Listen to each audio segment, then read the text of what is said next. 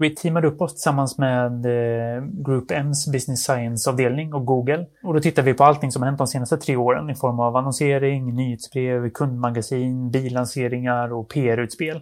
Och sen tittar vi på fördelat per bilmodell hur våra olika investeringar eller olika utspel och, och sakerna som vi gjorde, hur de faktiskt drev försäljningen av bilar.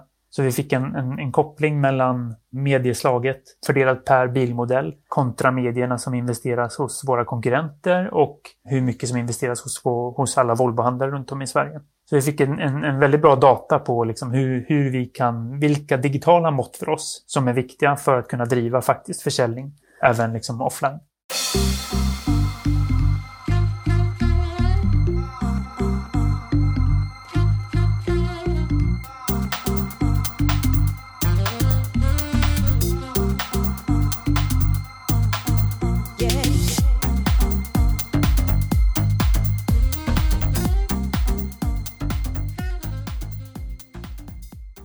Välkommen till Digital marknadsföring med Tony Hammarlund. Det här är en podd där jag intervjuar branschexperter och marknadsförare för att lära mig mer om digital marknadsföring. Mitt mål med podden är att bli en bättre marknadsförare och samtidigt dela med mig av intressanta samtal med några av Sveriges bästa marknadsförare. I det här avsnittet har jag med mig Robert Kalinagil som är Digital Market Manager på Volvo Cars i Sverige.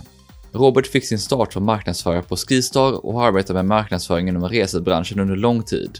Han tog sedan steget över till byråsidan för han gick vidare till bilbranschen och Volvo Cars.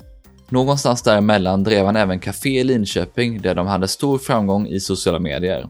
Han är även grundare till sociala mediekonferensen Someday som samlar marknadsförare och kommunikatörer som verkligen brinner för sociala medier. Vi börjar med att prata om Roberts karriär som marknadsförare, från studier till karriären inom resebranschen.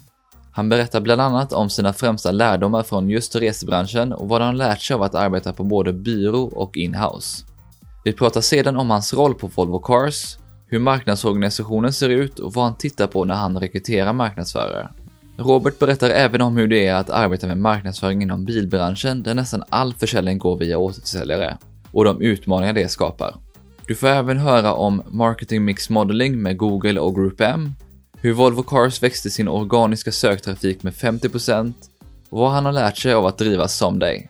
Som vanligt så hittar du länkar och andra resurser vi nämner i poddenlägget på tonyhammarlund.io, så du behöver inte anteckna. Där hittar du även tidsstämplar till de olika sektionerna i intervjun. Innan vi kör igång intervjun så vill jag även nämna att podden har ett samarbete med Dagens Analys som är en riktigt bra sajt för oss som arbetar med digital marknadsföring. Så kolla in den om du inte redan gjort det på dagensanalys.se. Nu hoppar vi in i intervjun och Robert börjar med att berätta om hur jobbet som skidlärare i Sälen blev vägen till första marknadsförarjobbet. Jag har liksom alltid varit intresserad av kommunikation och skrivande och startade skoltidning och, och lite sådana grejer i början. Och sen så läste jag medie och kommunikationsvetenskap i Göteborg. Eh, och det var liksom inte alls för mig. Jag tyckte det var jätte, jättekass utbildning. Den var mm, väldigt teoretiskt. Långt ifrån det som jag liksom såg framför mig, att man ska jobba med PR och liksom så påverkan och kommunikation sådär. Så jag kände att jag behövde göra ett avbrott. Så att jag, jag fick ett säsongsjobb i Sälen och jobbade som skidlärare. Vilket var för övrigt ett av mina bästa jobb någonsin. Superkul att lära små barn, så här, bara en hjälm och två små skidor, åka skidor. Och vara uppe i en, en härlig vintermiljö. Helt fantastiskt. Helt fantastiskt jobb. Men det är ju en säsong och den tar ju slut. Snön smälter och man måste hitta på någonting nytt. Så då, då hoppade jag på en, en liten ny gren inom där och började läsa strategisk kommunikation istället. Kändes mycket mer, mycket mer rätt för mig, mycket mer hands-on, mycket mer praktik och man fick så här, träna på att skriva pressmeddelanden och hålla tal och verkligen så här, dyka ner lite mer i, i kommunikation och hur man kan jobba med det. Men jag kände fortfarande så här att men jag vill liksom praktisera det mer, liksom så här, testa vad man faktiskt gör när man jobbar på en marknadsavdelning. Så då sökte jag en praktik på Skistar där jag hade jobbat som skidlärare. Eh, och fick en praktikplats hos eh, informationschefen i Sälen. Eh, och fick liksom en, en, superbra inblick eh, och var helt inne på att jag skulle hålla på och jobba med PR och som dyka ner i det. Men sen så när praktiken eh, tog slut så kom det en, en, en, en chef till mig där som, sa, som hette Bosse som sa det, ja men Robert, vill du, vill du jobba vidare här på, på Skistar på, på marknadsavdelningen? Jag bara, ja, ja, jättekul. Så här. Jag vill jobba med PR och det här som jag liksom brann för. Eh, och han bara, nej men Robert, du ska jobba med webb.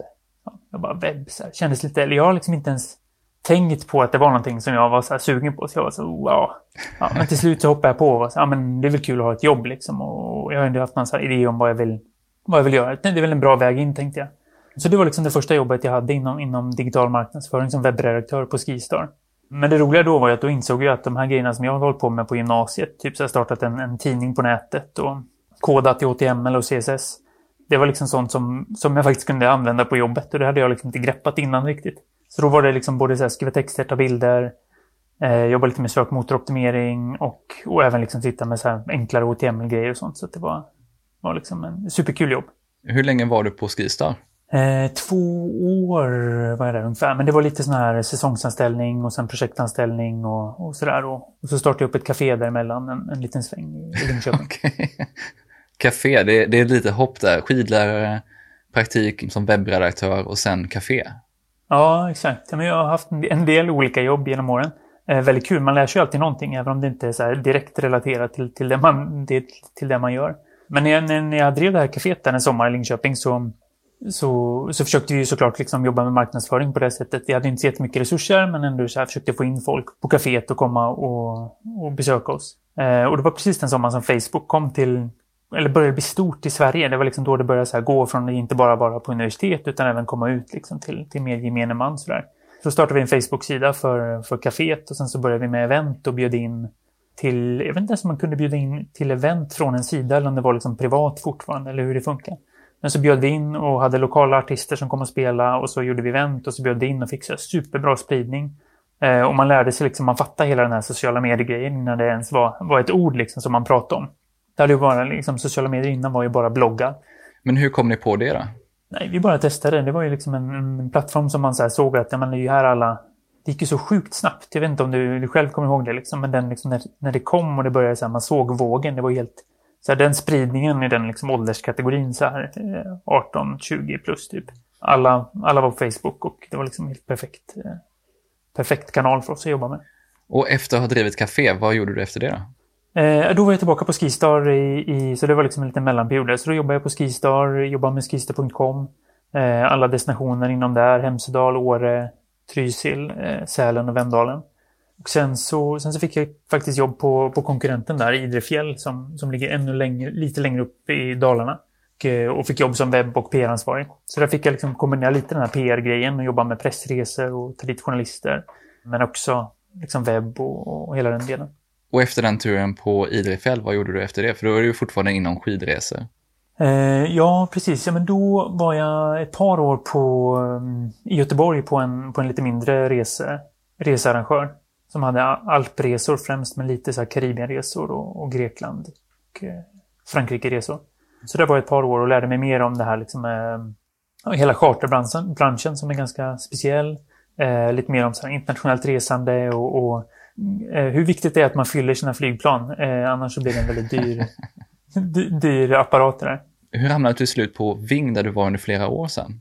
Jag blev faktiskt uppsagd från, eh, från Langley. Vi var, det gick lite dåligt där. Det var en liten felkalkylering i kostnaderna. Om det var så här rumspriset eh, på, på en tvåveckorsresa som var liksom miss, missberäknat. Så vi, vi tappade jättemycket pengar och halva företaget fick, fick sluta. Så det var lite tråkigt när man inte själv får välja när man vill sluta någonstans. Men, men, men det var helt perfekt för mig. Så att jag fick efter någon månad jobb på Ving och flyttade till Stockholm från Göteborg. Och eh, fick jobb då på Ving där jag jobbade som, som ansvarig för sociala medier och eh, mobilt. Så typ en 50% coacha och eh, eller coachade community management-teamet på 15 personer som jobbade med svara och liksom sköta hela, driva community management i sociala medier och sen även såklart jobba med allt innehåll och allting, liksom både strategi ner till contentproduktion typ i sociala medier. Och sen 50% jobba med eh, apputveckling och och liksom driva mer så här försäljning och sånt i mobilen. Hur var det att komma in i en sån större researrangör som Vinge? Ja, men det var helt fantastiskt. Eh, det var, jag menar den här lilla arrangören som var på Göteborg, jättekul med entreprenörsandan och hela det här, men också brist på liksom hur man driver någonting lite mer proffsigt och, och det är liksom som är liksom den andra sidan av samma mynt. Eh, jag hade jättekul och lärde mig mycket på, på, på det mindre stället, men, men det var verkligen när man känner att man får jobba i liksom en, en, större kontext. Man får mer utrymme, mer budget, eh, liksom mer rätt förutsättningar att hitta på, hitta på saker. Så, så för mig funkar det jättebra. Vad har du lärt dig från att arbeta inom resebranschen då, som du har kunnat ta med dig vidare som marknadsförare? Jag har lärt mig, jag är ju nästan liksom typ uppvuxen inom, inom resebranschen så det, det är där jag kan det mesta, det är där jag har lärt mig det mesta. Men jag lärde mig extremt mycket om, om eh, sökmotoroptimering. Eh, när jag började på Idrefjäll så var det liksom, det var, jag var den första personen som jobbade med, med eh, webb på marknadsavdelningen. Förut så hade den liksom rollen legat på IT i princip. Det var liksom en IT-plattform. Och där liksom så driva, både så förändra hela, hela tanken kring vad onlinebokningar är och hur man driver försäljning på nätet. Eh, och då sitta och prata med kollegor som, som var oroliga för att bli av med sitt jobb för att gästerna eller kunderna själva skulle köpa sina resor på nätet. Så liksom verkligen så här omställningen av hela affären. Och eftersom att man inte hade jobbat någonting med sökmotoroptimering eller sociala medier eller mer, på ett lite mer så här uppstyrt sätt kring nyhetsbrev så, så var det extremt stora effekter man kunde se. Fick ju helt sjuka liksom, siffror på, på allting vi gjorde. Så det fick jag med mig därifrån. Så jag har lärt mig liksom lite olika delar på olika, på olika ställen. Och sen när jag var på Ving så lärde jag mig jättemycket om kombinationen av ett starkt varumärke och, eh, och ändå att driva försäljning här och nu. Och jag älskar ändå det här mätbara och att man kan följa allting. Vi kunde ju liksom lägga ut, vi hade ju alltid en sån Google Analytics eh, realtids eh, dataskärmen uppe på, på en stor tv och så kunde man ju så här, när vi la ut saker på, på Facebook så att vi optimerade så här, när man, liksom, när var bästa tiden att få ut någonting. Vi la ut någonting och sen så såg vi liksom hur försäljningen eh, började liksom komma in i realtid. Eh, och vi kunde ju liksom sälja resor för hundra, liksom ett par hundratusen kronor på bara ett Facebook-inlägg helt organiskt. Så det var så lätt okay. att se liksom hur pengarna vi fick tillbaka på, på den liksom, tiden vi la ner. Men hur hittar man den rätta mixen av varumärke och konvertering enligt dig då? Det, det, är en bra fråga och man, man behöver ha mixen för att såklart går man åt ena hållet och blir bara brand och varumärke så tror jag att man kommer... Man, det finns ju så mycket att plocka hem inom mer performance-aktigt. Att verkligen driva konverteringar och få användarna att göra det man vill att de ska göra. Vare sig det är sälja en vara eller ta någon slags action på en hemsida eller i en app eller vad det nu kan vara. Men man behöver ju också ha liksom en, en respekt för hur, hur varumärket driver över tid.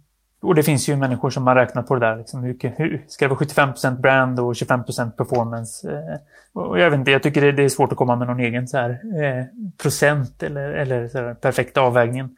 Men bara man är medveten om att man behöver båda för att driva liksom, det, både varumärket långsiktigt men försäljningen här och nu så tror jag att man, man har kommit ganska långt. Vad är du mest stolt över av det ni gjorde på Ving under den här tiden? Eh, jag är väl mest stolt över allt det liksom jobbet som vi lyckades göra inom, inom sociala medier och community management. Vi lyckades, vi gick från någonstans knappt 100 000 fans till, till en kvarts miljon fans. Extremt engagerade. Så fort det var någon kritik mot, mot Ving som varumärke på vår Facebook-sida så hade vi alltid fem, tio personer som gick in och, och försvarade. Så vi behövde liksom sällan ta den rollen och sen fick vi i och för sig extremt lite kritik det sköna med det, med, med det jobbet på Ving var att man, man kunde lita till 110 procent på alla kollegor runt om i världen som, som jobbade för företaget, att de skötte sitt jobb. Om det var någon kund som skrev in och, och beklagade sig över något beslut som hade fattats på Mallorca eller någonting sånt där, så, så hade vi bra system där man kunde se alla loggar kring vad som hade hänt nere på destinationen, varför den här kunden hade blivit avvisad från ett hotell eller vad det nu kunde vara. Och man, jag hade liksom inga så problem med... Jag, jag är liksom alltid den inställningen, om, om kunden väljer en kanal så är det för oss som företag att anpassa oss till att fortsätta dialogen i samma kanal. Så att om en kund var, liksom var ute och, och härjade i, i sociala medier så tyckte jag att det var helt fint att liksom så här, ge vår vision och, eh, och den kunde vara ganska ärlig. Men såklart på, en trevlig, på ett trevligt sätt. Eh, och det tror jag var ganska så här, lite befriande på ett sätt och vi var inte otrevliga mot våra kunder på något sätt. Men, men, men den som läste då var ut, utanför liksom förstod att det finns två sidor av myntet och eh, jag tycker det är bra när företag vågar stå på sig och, eh, och inte liksom alltid bara följer kommentarerna. Ja, men det är otroligt värdefullt och otroligt kraftfullt, men det är svårt att hitta den rätta nivån. Eh, ja, det är det ju absolut. Och det handlar ju så mycket så att sitta och väga liksom varje ord på, på guldvåg i princip. Vi, jag menar, resebranschen är ju eh, en, bransch som som alltid har så haft kriser som en, liksom en konstant eh, sak egentligen. Men det händer, händer hela tiden saker. Alltifrån magsjukeutbrott på hotell till bussar som kör av vägen eller flygplan som blir försenade. och Så mycket saker som påverkas hela tiden runt om i världen. Och dessutom liksom på, på dygnets alla timmar eftersom att det är olika tidszoner och så vidare. Och då lärde man sig mycket om det här. Jag hade ju extremt tätt samarbete med vår PR-avdelning liksom, vi satt ju och vägde så här. Det var verkligen sitta och bolla så här orden fram och tillbaka. för att få till rätt ton och verkligen få in det här liksom medmänskliga och trevliga och så sättet man vill möta kunden men ändå visa på vad man, man själv liksom vill få ut, vad man vill säga. Varför valde du sen att gå från resebranschen där du varit under väldigt många år till att gå över till byråsidan och Welcome? Ja, jag älskar ju resebranschen egentligen. Det är ju en, en fantastisk bransch. Det är många människor som kommer ifrån de börjar som reseledare eller skidlärare eller stod i liften eller jobbar i reception eller sådär. Vilket gör att alla är liksom trevliga, de vet vad service är och de gillar att ha kul. Det blir bra företagsfester och eh, en, en, liksom en härlig kultur. Det var egentligen vi liksom, som familjen som ville flytta till, till Göteborg från Stockholm när vi hade fått vårt första barn. Och hade vi inte gjort det så hade jag nog varit kvar på Ving ett par år till tror jag. Med det sagt, eh, väldigt kul att få hoppa över till, till byråsidan och få jobba på, på Welcome. Efter två år sen så bar du av till Volvo Cars och din nuvarande roll. Så hur kom det sig att du hamnade på Volvo sen? Eh, ja, men jag bodde ju, vi hade ju flyttat ner från Stockholm till Göteborg eh, och jag träffade någon, om det var på någon lunch, något, som sa att men bor man i Göteborg då måste man, måste man jobba på Volvo Cars. eh, eller på Volvo i alla fall då. Så tänkte jag så här, ja men jag kanske ska, ska titta på det och så efter två år på, på byråsidan så, eh, så började jag som Digital Marketing Manager på, på Volvo Cars Sverige. Vad har du lärt dig då av att arbeta både på byråsidan och inhouse nu? Om jag tänker på det som jag lärde mig när jag var på, på byråsidan så, så eh, har jag blivit bättre på det här med att paketera budskap eh, och få ihop liksom, kampanjer eller projekt. Att verkligen så här, liksom, göra ett koncept av det. För att eh, en stor del av byråtiden går ändå åt att, liksom, speciellt när man är kundansvarig, sälja in saker och prata med kunderna och liksom få, få dem att köpa in på de tankarna och idéerna som, som teamet har jobbat fram. Så kul med det, kul med införsäljningen, även en del så här retorik och hantera relationen med, med en uppdragsgivare. Se till så att man har en bra dialog, försöka lösa eventuell friktion och se till så att man är det där liksom strategiska stödet inom marknadsföring och, och kommunikation. Sen såklart så här, man, man lärde sig ju, eller nu har man ju fått en förståelse för den här känslan som man har när man, när man har en byrå som kommer på besök och ska pitcha en idé och liksom, de har aldrig varit där och hälsat på förut. Den, den, där satt man ju på andra sidan bordet förut, så man vet ju precis den här liksom blandningen av pirr, ångest och nervositet. Vilken är då den främsta skillnaden mellan de här sidorna? För mig är väl den största skillnaden mellan byrå och, och vara på kundsidan den här hur man äger sin egen produkt på något sätt. Jag har alltid varit, i alla mina roller inom resebranschen, så har jag alltid varit väldigt nära produkten. Jag har liksom varit, eh, eller fått chansen att vara med och påverka produkten. Och oftast har marknadsavdelningen varit den som har drivit flera, flera delar av produktutvecklingen. Och det insåg jag väl var lite, så här, det var lite svårare när man var konsult. Det är liksom, man såg mängder av saker som man ville att oh, det här borde verkligen kunderna ta tag i. Här finns det sån stor potential. Liksom all erfarenhet som man själv har kring onlineförsäljning eller vad det kan vara. Och så, så är det liksom ändå så här, man måste, det är så många steg för att övertyga någon generellt sett så är väl de företagen som jag tror på i framtiden, det är de som har egna produkter och verkligen kan så här liksom, hålla hel, hela linan från att prata med konsumenten till att producera sina egna tjänster eller produkter. Men om vi hoppar tillbaka till Volvo Cars då, hur ser din roll ut som digital marketing manager där? Det är väl en, en ganska bred roll. Jag jobbar med volvocars.com, eh, både liksom contentmässigt, eh, jobbar med en del, del med konverteringsoptimering, sökmotorannonsering, sökmotoroptimering, performance marketing, analys, kolla en del på hur vi ska formera oss kring så här digital marknadsföring eller marknadsföring generellt i framtiden. Och den som, som inte är så inne i liksom digital marknadsföring, den skulle väl tycka att man är så lite experten på det. Medan alla som är inne i det och jobbar med någon av de här liksom delarna tycker väl snarare att man är mer av en generalist liksom inom, inom digital marknadsföring. Ja, det låter ju som du har ganska bred kompetens. Så varför valde du att jobba inom så många olika discipliner kontra att bli mer av en specialist på ett eller ett par? Jag har väl typ varit, jag menar jag skulle ju i princip kunna gått åt vilket håll som helst inom så här typ sök eller köpt eh, annonsering, sociala medier och där har jag väl i och för sig varit lite mer, lite djupare inom just den och kanske sök också. Men jag har också varit inne i så här liksom produktägarroll när jag var på Ving för mobilappen och kravställa gentemot Eh, IT-utveckling och så att jag har varit liksom så ganska, ganska bred men ändå försökt så hela tiden hålla på kopplingen till affären och hur man hur alla saker man gör driver affären framåt. Så att någon slags digital produktutveckling, tjänsteutveckling har väl varit liksom, nu minns jag inte vad frågan var här, men, eh, men det är väl där, någonstans där jag, jag har, har rört mig i alla fall. Ja, men jag är ju lite detsamma, inte minst för att jag är så nyfiken på så många olika saker så jag har så svårt att begränsa mig till ett område bara. Men hur är det att vara marknadsförare på Volvo? Nej, men det, är, det är jättekul. Det är ju ett, ett, ett eh, varumärke som har funnits med eh, superlänge. Det känns här, både lite självklart på något sätt, för att alla vet vad Volvo är. Vi har en varumärkeskännedom som är på så 99 procent. Eh, och vi sitter ibland och säger så här, men vilken är den här 1 procent som, inte, som inte vet vilka vi är? Och det var väl i och för sig samma ungefär när jag var på, på Vinge också, ett otroligt välkänt varumärke. Men, men det är jättespännande, man får jobba både liksom och, och driva mycket saker och, och vara med i spännande projekt, både liksom lokalt i Sverige men också regionalt på EMEA-nivå eh, och även globalt. Så att man har ju kollegor från hela världen som, som sitter tillsammans i Göteborg och det är det som är så häftigt med, med Volvo Cars, att det är liksom ett, ett litet minivärlden på något sätt. Jag jobbar ju med, med liksom, eh, kollegor från Australien, England, Tyskland, eh, Frankrike och Storbritannien och, och, i princip överallt. Och det tycker jag är superkul att man verkligen har den här internationella delen utav, utav jobbet, trots att det är ett väldigt här, liksom, gammalt svenskt bolag. Ja, för då kommer vi in på lite just hur marknadsteamet ser ut. På, på Volvo Cars Sverige som liksom jobbar med den svenska marknaden så är vi väl runt 20-25 personer tror jag. Vi har fyra kluster kan man nog säga. Ett som är mer så här PR, internkommunikation. Till viss del redaktionell kommunikation, så här content marketing-del. Eh, en som är mer marknadskommunikation, kampanj. En del som är eh, brand activation and partnerships, så alla de liksom samarbeten vi gör med Svenska fotbollsförbundet. Eller. Och sen så den som jag driver som är digital marketing-området.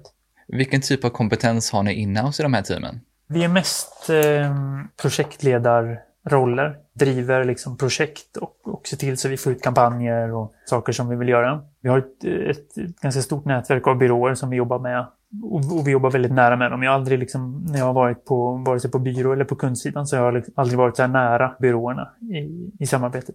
Vi pratade lite innan den här intervjun om det här vad man tittar på när man rekryterar marknadsförare. Så det har varit kul att höra vad du ser när du rekryterar till eh, dina team som du varit med i tidigare.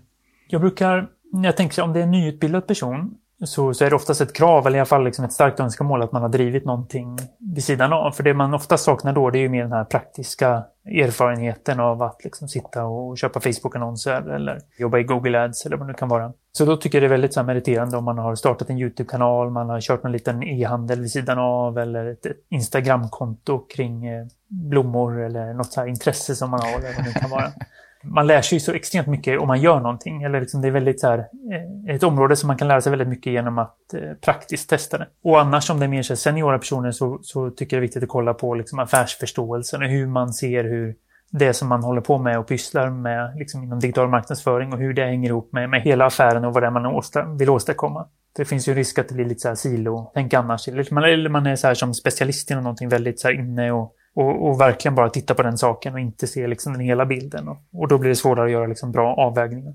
Och hur försöker du bilda dig en uppfattning om det?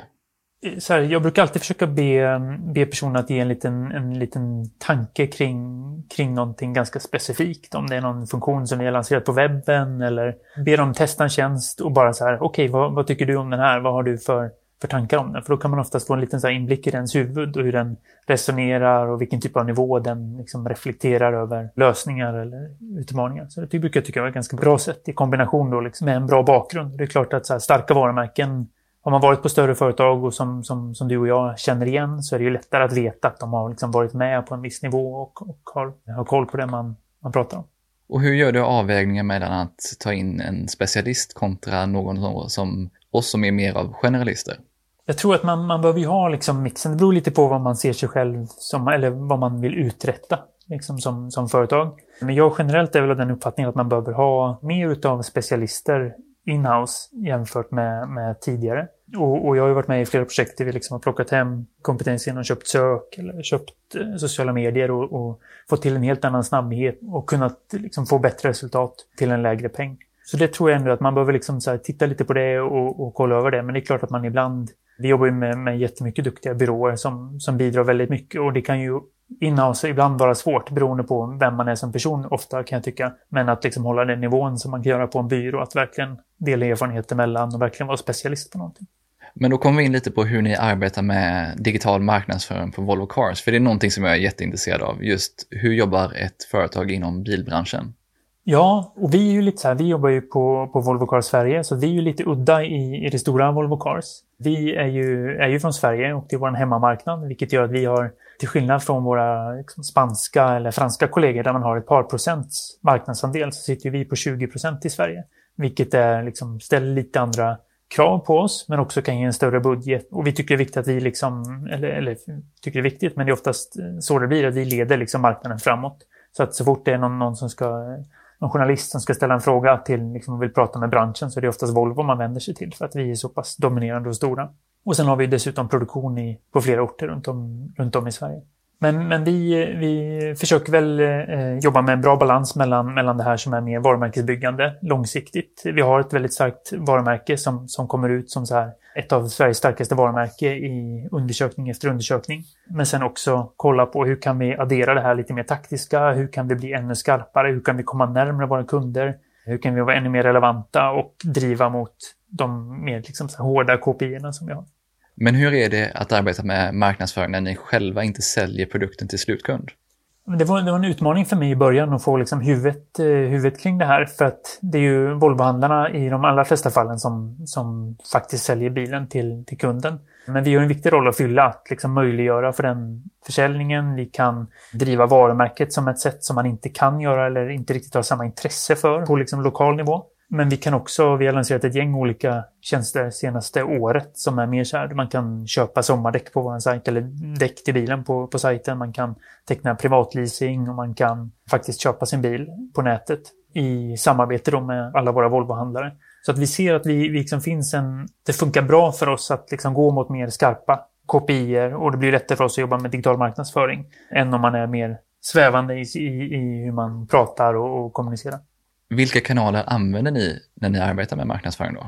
Vi är eh, ganska breda. Vi kör eh, en ganska stor del av vår budget går på tv. En del print, eh, ganska mycket display, ganska mycket sociala medier, annonsering med tyngdpunkt på Facebook, Instagram. Nyhetsbrev, superstarkt, en av de liksom högsta öppningsfrekvenserna som jag har varit med på. Vi kan ofta komma upp i 50% öppningsfrekvens på våra e-postutskick.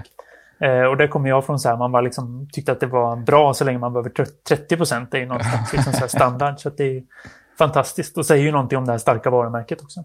Så det är väl liksom de, de eh, liksom övergripande delarna. Men såklart liksom digitalt då, eh, köpt sök, eh, en stor del också av mer så här konverteringsnära annonsering. Du var inne på att ni arbetar mycket med volvocars.com. Så hur viktig är den egna sajten i er marknadsföring?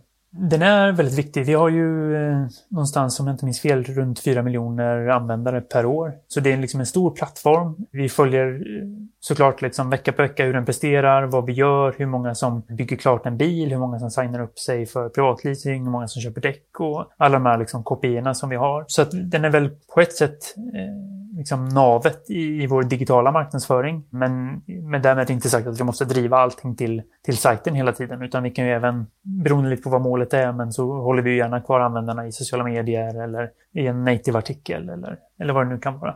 Om vi hoppar tillbaka lite till det här med att inte kunna mäta konvertering fullt ut. Hur tacklar ni den utmaningen?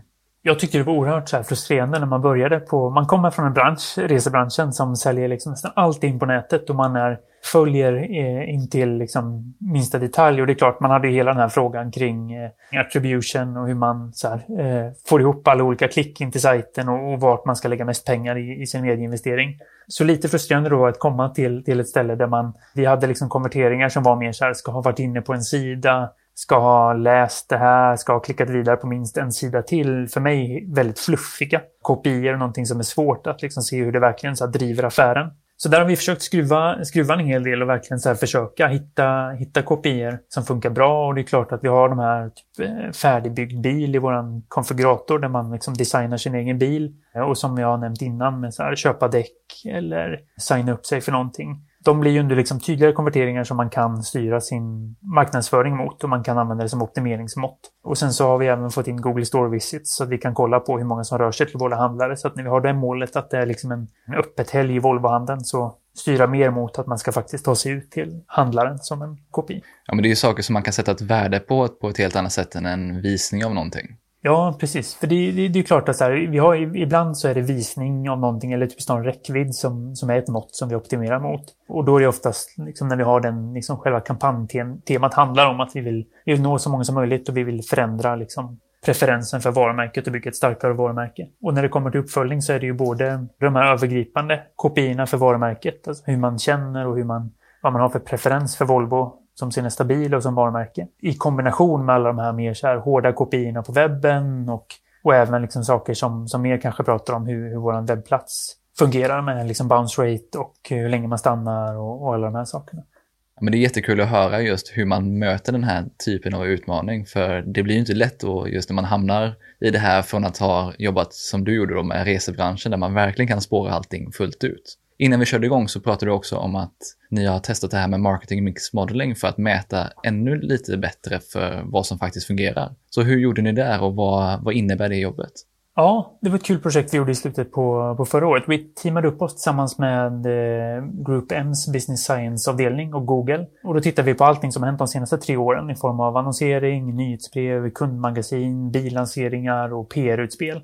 Och sen tittar vi på fördelat per bilmodell hur våra olika investeringar eller olika utspel och, och sakerna som vi gjorde, hur de faktiskt drev försäljningen av bilar. Så vi fick en, en, en, koppling mellan medieslaget fördelat per bilmodell kontra medierna som investeras hos våra konkurrenter och hur mycket som investeras hos, hos alla Volvohandlare runt om i Sverige. Så vi fick en, en, en väldigt bra data på liksom hur, hur vi kan, vilka digitala mått för oss som är viktiga för att kunna driva faktiskt försäljning även liksom offline.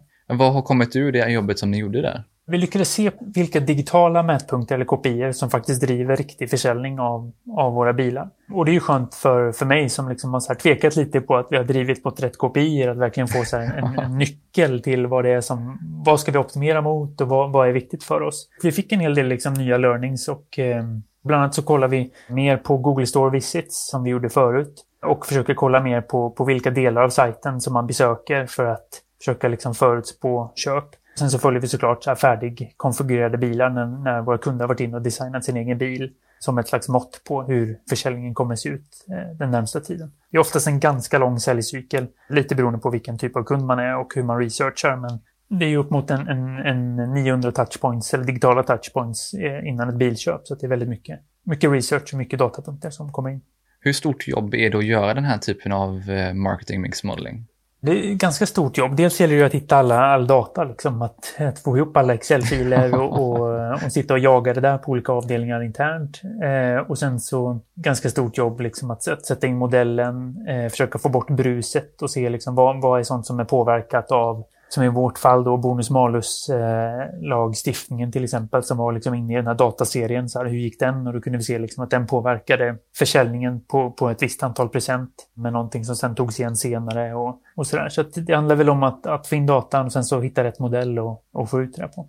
Ja, men det där är otroligt intressant för att jag kan tänka mig som sagt att det är ett stort jobb man gör där. Men på tal om Google så nämnde du också innan intervjun att ni under 2019 gjorde ett jättestort jobb inom SEO och SEM. Kan du berätta lite mer om det arbetet? Förra året under 2019 så, så jobbade vi både med, med köpsök och lyckades öka effektiviteten väldigt mycket. På egentligen i princip samma budget så, så lyckades vi ut väldigt mycket mer. Och sen så var det ett jättestort teamwork inom, inom SEO där vi både jobbade liksom internt på Volvo Cars, IT, specialister och sen även på, på byråsidan med mer kring innehåll och struktur och sånt där. Så vi fick en helt fantastisk utväxling på, på mycket och, och lyckades faktiskt öka vårt, vår organiska trafik med 50 procent. Eh, ja, ordentligt. Vilket är helt galet. När jag kollade på sista halvåret 2019 jämfört med året innan. Så helt fantastiskt. Eh, men som sagt, då, liksom ett stort teamwork och, och många delar utav det. Alltifrån liksom support site som hade vissa så tekniska eh, begränsningar innan till att kunna ranka helt fantastiskt bra på generiska sökord som elbil och laddhybrid och, och de här sakerna som, som är viktiga för oss. Vad har det skapat för resultat att öka trafiken på det sättet? Nej, men vi, vi ser ju att det liksom har en direkt påverkan på försäljningen. Vi får in fler personer som kommer in i, i som liksom närmar sig mer någon slags bilköp, eh, intent. Fler som bygger klart sina bilar eh, som kommer från de här sidorna. Så att vi, vi ser liksom en, en, en, tydlig effekt av det. Och sen såklart att när vi får in någon på mer så generiska sökningar, som om man googlar på laddhybrid och kommer in på vår sida, så har vi ett annat läge att jobba med remarketing och försöka komma tillbaka till de här eller få dem att signa upp sig för ett nyhetsbrev och att vi sen kan nå dem längre fram. Så det har varit ett väldigt kul jobb och, och, och kul att se vilken effekt det kan ge. Om man har liksom en stark domän och eh, rätt tekniska förutsättningar och sen även innehållet och sitta liksom och labba. Och man ser liksom så här, om man kollar i Google Search Console så ser man nästan så här per dagen när vi, när vi gjorde någonting dumt eller när vi gjorde någonting som, som blev rätt. Liksom. Vi har väldigt mycket trafik och Google är snabba på att indexera och se till så att vi får den, den placeringen som vi förtjänar på gott och ont. Då. Ja, men det är väl fördelen just när man jobbar med en så stor sajt att man kan se förändringarna väldigt snabbt istället för att man får titta efter några veckor eller någon månad på de förändringar man gör. Ja, verkligen. Nej, det är ju superhäftigt. Och det är ju så coolt när man sitter och kollar i så Google Search Console och ser liksom placeringen. Man ser så nästan, nästan som man måste uppdatera den varje dag, den här grafen, bara för att se så här, men har vi kommit upp på topp 10? Och, och, man ser så här, vi liksom lanserar en helt ny sida inom ett område som vi vill ta liksom delar inom. Och så ser man så här, om vi börjar på plats 50 när vi börjar ranka. Och så veckan efter så här, plats 43. Och så går man vidare nästa vecka, men 20. Sen nästan så 13. Ah shit, jag måste ju upp på första sidan. Kanske gör någon fix eller så, så liksom fortsätter den klättra ändå. Och så kommer man upp där på topp 10 och det är först då man börjar se att trafiken kommer in såklart och sen så när man kommer upp och ligger liksom plats 1 till 3 och man verkligen ser att det ger effekt i, i även besöken på sajten. Jag förstår att man kanske inte vill dela det hemliga receptet, men kan du dela de stora sakerna som ni gjorde i det här arbetet? Ja, men dels handlar det om att så här, kolla över strukturen på, på sajten. Liksom. Vi hade mycket saker som inte, som inte riktigt stämde liksom, i form av hur, hur vi döpte saker. Eh, bilbranschen är enormt duktig på att hitta på egna ord för mycket. Det är ganska så ingenjörsdrivet så att det är mycket saker som kommer liksom inifrån någonstans och sen så kommer det hela vägen ut mot kund men, men säger inte alltid så mycket i form av vad det faktiskt är för feature till bilen eller, eller sådär. Att man, man, liksom, man bygger upp det och varje bolag bygger också upp sina egna namn på allting. Så att varje liten finess i bilen måste ha ett eget namn eh, som alla andra biltillverkare har egna namn på också. Och sen så är det de här så att vi hade, ja men så här, eh, ett liksom väldigt konkret exempel var att vi kallade våra laddhybrider för Twin Engine. Så att de hade ju två motorer, en bensinmotor och en elmotor. Men väldigt få googlar ju på Twin Engine utan man googlar på laddhybrid. Så bara att jobba om den sidan och kalla den för laddhybrid gjorde att, att jag hade, en, jag hade liksom ingen chans innan att synas på, på den typen av sökningar. Eh, och nu gör vi det. Så att eh, mycket, mycket faktiskt content till viss del teknik, men, men mycket content. Och vi har supermycket kvar att göra, så att jag är ödmjuk inför det. Men, men det är ändå kul att se hur mycket man kan göra. När man ändå tänker att så här, 2020, allting är lite så redan sönderoptimerat och eh, svårt sådär. Men vi är väldigt omogen bransch också. Vad menar du när du säger omogen bransch? Min bakgrund inom resebranschen där man så har varit med från hela den här resan. Från när man sålde 10-20% på nätet till som idag när Ving och TUI de här eh, säljer 80% av sina resor på nätet. Jag har varit med hela den resan och sett hur branschen har förändrats och hur man pratar med sina kunder och hur det liksom har förändrat affärsmodeller och vilken typ av roller man måste ha, kompetenser och, och incitament för säljare och allt möjligt. Så eh, slås man av när man kommer till bilbranschen som liksom är extremt traditionell i mångt och mycket. Man har liksom en affär som har sett hyfsat likadan ut senaste åren eller, eller nästan alltid kanske. Och inte haft de här, liksom, den här riktigt urgency att förändras på samma sätt som resebranschen. Men det är klart, det, liksom, det börjar hända och, och, det tycker jag är kul med Volvo Cars. Att man verkligen så här kikar på hur kan vi ta, vi kollar på alla trender vi ser runt om i samhället kring hur så här, man som ung person vill äga en bil eller hur man vill ha tillgång till mobilitet och en bil. Och att vi liksom kan så här, ta oss an de utmaningarna på ett sätt. Att verkligen så här, ifrågasätta vad vi håller på med. Och det är ju helt galna förändringar som, som man håller på med egentligen. Liksom gå från konventionella motorer till, till eldrift. Samtidigt som man kollar på hur man ska sälja bilar, om man ska sälja direkt till kunden kontra gå via återförsäljare, hur man servar sin bil. Liksom det är så mycket saker som, som förändras på en och samma gång. Så man har ju lite respekt för det, samtidigt som jag tycker att, att man har stuckit huvudet i sanden för länge i, i bilbranschen generellt. Innan vi rundar av så tänkte jag också att jag skulle prata med dig om sociala mediekonferensen Someday som du startade under tiden på Ving. Så hur skulle du beskriva vad Someday är för något? Someday är en, en konferens som samlar alla som är intresserade av, av, sociala medier och digital marknadsföring och vill höra intressanta personer prata om det här och utveckla sig själva. Så vi har kört en fyra år uppe i Stockholm i september. Nu har vi en liten paus här i år. Egentligen inte på grund av corona utan för att jag ska få tredje barnet här så vi har lite fullt upp eh, hemma vid. Grattis får man säga då. Tack. En konferens egentligen som vi såg saknades liksom i, i Sverige. Ja, hur kom det sig att ni startade den från början? Ja, men vi såg det. Egentligen var det jag. Jag var föräldraledig och hade eh, så här exemplariskt barn, mitt första barn där, som, som sov tre timmar varje dag. Så att jag hann liksom både hitta på någonting med henne och sen så ställa lägenheten, laga mat och eh, planera liksom vad man ville hålla på med framöver. Så jag lyckades starta den här konferensen tillsammans med mina två kompanjoner Albert och Eva och byggde upp den som liksom ett eget projekt utanför mitt vanliga jobb. Och det var väl för att vi såg att det, det saknades någonting som en riktigt bra konferens för alla som jobbar med sociala medier av personer som jobbar med sociala medier. För det finns ju vissa företag som liksom är inne och snuddar lite vid det och webbdagarna finns men det är liksom inte riktigt nere på den nivån som vi ville vara på. Så då tog vi saken i egna händer och startade där och det var lyckosamt. Mycket kul erfarenheter. Ja, vad har du lärt dig av att driva en konferens på det sättet?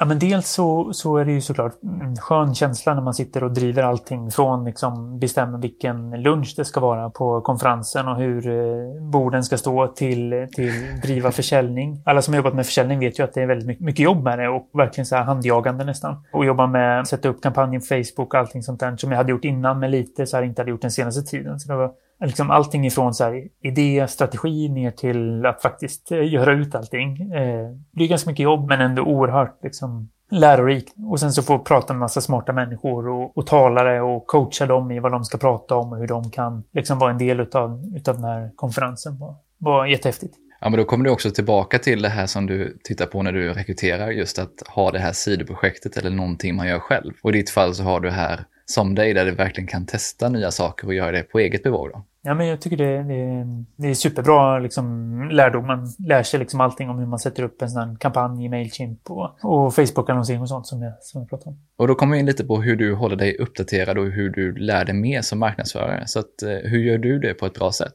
Försöker lyssna på en del poddar till och från jobbet främst. När, typ Breakit, e-handelstrender, din podd såklart. Sen så försöker jag följa människor inom branschen på Twitter och, och LinkedIn. Läsa nyhetsbrev, så bara så här råkar man, jag tycker man det är omöjligt att inte springa på massa intressanta saker som man, det är därför man har så här 50 flikar uppe i Google Chrome sen eh, när dagen är slut. För att man bara så här, den där ska jag läsa, det ska jag läsa och sen så hinner man läsa tre utav alla de där. Men man har ändå liksom så här spanat lite mer. Finns det några resurser eller några böcker eller någonting sånt som sticker ut utöver de här poddarna du nämnde? Senaste tiden har jag läst mer, mest böcker om så här konverteringsoptimering och, och just så här lite mer ehm, här psykologin bakom webb och, och eller alltså hur man rör sig runt på webbar och hur man ska sätta upp sidor som, som liksom talar till de olika hjärnhalvorna. Den typen av, av eh, böcker. Sen gillar jag Monokel, väldigt bra magasin med lite så här världen som, som spelplan och man, man får liksom in mycket tankar från hela världen. Inte så mycket just kring digital marknadsföring, men, men man får en känsla av att man är en världsmedborgare.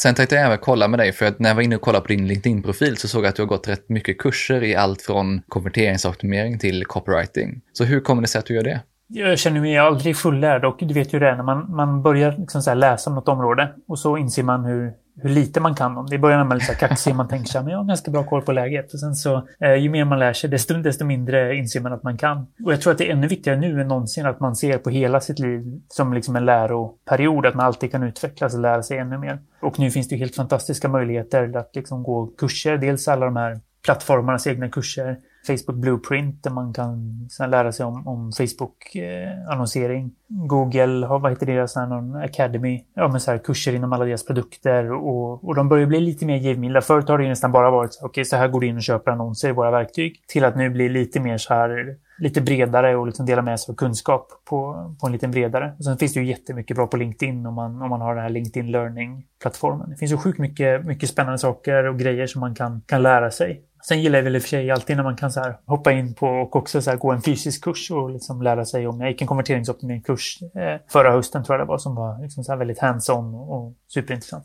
Jag håller med, det är jättekul att se att de här stora plattformarna satsar på det, för att innan så har ju kurser varit relativt dyrt. Ja, verkligen. Men nu finns ju, det finns ju så mycket tillgängligt. Det finns ju så mycket konferenser som släpper gratis innehåll som man kan följa i efterhand eller live och, och verkligen alla möjligheter till att liksom testa på saker. Och det är ju aldrig, har ju aldrig varit enklare än nu att starta en egen e-handel eller sätta upp en blogg eller bara starta ett Instagramkonto eller en YouTube-kanal eller vad som för att bara få testa på om man har en idé eller starta en podd för den delen. Att det finns ju alla, alla verktyg i världen, vilket på något sätt är så häftigt och lite så demokratiserande på något sätt.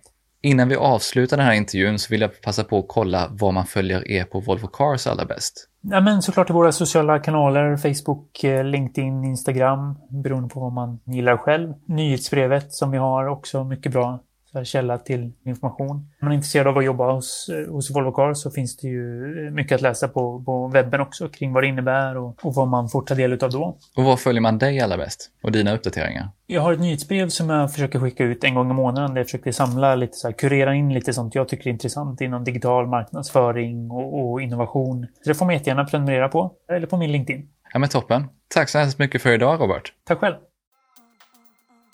Robert har verkligen gjort en häftig karriärresa fram till hans roll som Digital Marketing Manager på Volvo Cars idag. Jag tyckte även att det var intressant att höra hur ett företag som Volvo Cars arbetar med digital marknadsföring och de satsningar som Robert och marknadsteamet gjort på bland annat marketing mix modeling, SEO och SEM. Jag hoppas att du, precis som jag, fick mängder med idéer och tankar efter intervjun. Några av de främsta sakerna som jag tog med mig var hur lärorikt det är att ha ett sidoprojekt som marknadsförare. Att man verkligen aldrig ska sluta hålla sig uppdaterad och lära sig nytt. Och hur otroligt stor effekt man kan få med SEO. Hör gärna av dig på LinkedIn och skriv vad du tyckte var mest intressant. Passa även på att skicka en kontaktförfrågan. Du hittar som vanligt länkar till de resurser vi nämnde i poddenlägget på tonyhammarlund.io. Och jag har även lagt till några extra böcker och poddar som Robert tipsade om efter vår intervju.